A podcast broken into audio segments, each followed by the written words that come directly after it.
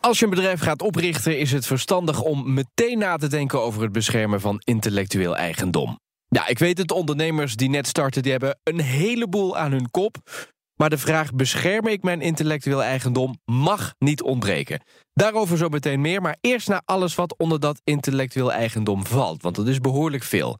De meest bekende is waarschijnlijk het auteursrecht. Dan moet je denken aan het beschermen van teksten, video's en foto's.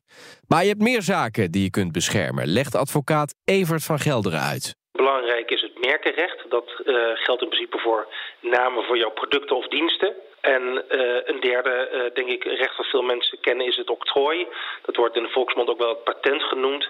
En dat uh, heeft met name betrekking op uitvindingen. dat zijn eigenlijk de drie meest voorkomende rechten. Maar je hebt ook nog wel andere rechten op bijvoorbeeld productvormgeving en het modellenrecht. Je hebt ook nog het speciale chipsrecht, dus op, op halfgeleiderproducten bijvoorbeeld. Maar dat zijn dingen die wat minder voorkomen. Nou, dat zijn dus de verschillende vormen van intellectueel eigendom. Dan terug naar de vraag waarom je daar als beginnende ondernemer stil bij moet staan. Nou, waarschijnlijk check je in die fase toch al of je geen inbreuk maakt op de rechten van een andere ondernemer, omdat je wil kijken of je product uniek is. Nou, dat is ook een goed moment om na te denken over de bescherming van je product of dienst. En zo zijn er ook nog allerlei formele redenen om dat van het begin af aan te doen. Ik geef als voorbeeld bijvoorbeeld een octrooi. Stel je hebt iets, iets ontwikkeld, een, een uitvinding, dan kan je dat vaak beschermen met een octrooirecht. Maar zo'n octrooirecht kan je alleen nog maar aanvragen als het een, een, nieuwe uitvinding is. En als je het eenmaal op de markt brengt, dan kan dat niet meer. Dus dat zou bijvoorbeeld een goede reden zijn om van het begin af aan na te denken... welke onderdelen van mijn bedrijfsvoering zou ik eventueel willen en kunnen beschermen. Zegt advocaat Evert van Gelderen, gespecialiseerd in het vastleggen van intellectueel eigendom. Er zijn verschillende redenen waarom je eigendomsrechten zou moeten beschermen. De meest bekende reden is misschien wel dat je ervoor wilt waken... dat mensen dan niet met jouw idee of product vandoor gaan. Met andere woorden, dat ze het niet jatten. Nou, dat is een defensieve variant van eigendomsbescherming.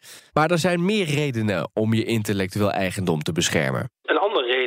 Uh, dat het vaak ook een middel kan zijn om geld mee te verdienen. Dus exploitatie. Stel dat je bijvoorbeeld een uitvinding hebt gedaan of je hebt een mooi product ontworpen en je hebt daar rechten op. Dan kan je later tegen mensen zeggen, nou je mag het verkopen. Dus jij produceert het en je verkoopt het aan andere partij. Dat is een beetje een klassiek model. Maar je kan ook zeggen, uh, jij krijgt van mij de toestemming om mijn rechten te Dat noemen ze een licentie. Dat zie je bijvoorbeeld vaak bij uh, octrooi op uitvindingen.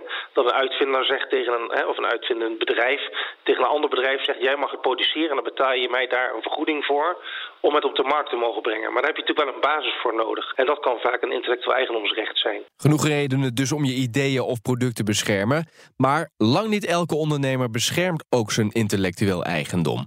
Belangrijke reden die vaker door ondernemers genoemd wordt is... ja, het is best wel duur om het te beschermen. Dus moet je de vraag stellen, wanneer is het die investering nou waard? Nou, een van de zaken die daarin doorslaggevend is... is de levensduur van een product of dienst. Je hoort nog een keer advocaat Evert van Gelderen. Denk bijvoorbeeld aan producten die maar een korte uh, levenscyclus hebben, zoals bijvoorbeeld uh, mode. Sommige fast fashion, zeg maar, heeft misschien een, een, een, een levenscyclus van één of twee jaar. Vaak beslissen bedrijven om dan niet bijvoorbeeld modelrechten, hè, dus de bescherming van de productvormgeving van kleding bijvoorbeeld te beschermen. Omdat dat stel bijvoorbeeld duizend euro kost, ik zeg maar een gemiddelde. Um, terwijl zo'n kledingstuk misschien maar twee jaar meegaat in de, in de, in de catalogus, dan is dat niet zo zinvol.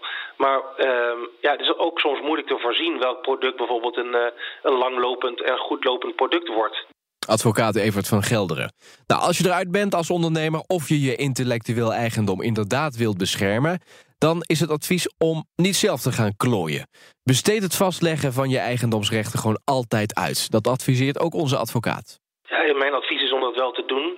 Ik heb daar verder overigens geen belang bij, omdat ik zelf rechten niet registreer als advocaat. Maar ik adviseer mijn klanten vaak wel om met een professionele gemachtigde dit te doen. Juist omdat je, als je dat dan toch doet, daar ook geen foutjes in wil maken. En dat hebben we in het verleden wel zien gebeuren. Dat um, ja, je moet denken aan bijvoorbeeld verkeerd soort tekeningen, beslissingen of je iets in kleur of in zwart-wit wil deponeren. Uh, een onderzoek laten doen naar of jouw merk wel beschikbaar is. Uh, al dat soort diensten worden vaak door gemachtigden aangeboden en die kunnen het geld goed waard zijn. Advocaat Evert van Gelderen. Denk dus, concluderend als ondernemer, altijd op tijd na over het wel of niet vastleggen van intellectueel eigendom. En als je er dan uit bent, zet dan alles vroeg in gang. Doe het voordat het product of de dienst op de markt is. En laat je niet afschrikken door de kosten. Het kost wat, maar waarschijnlijk levert het op de langere termijn ook weer wat op. En als het kan, besteed dan het vastleggen van het intellectueel eigendom altijd uit.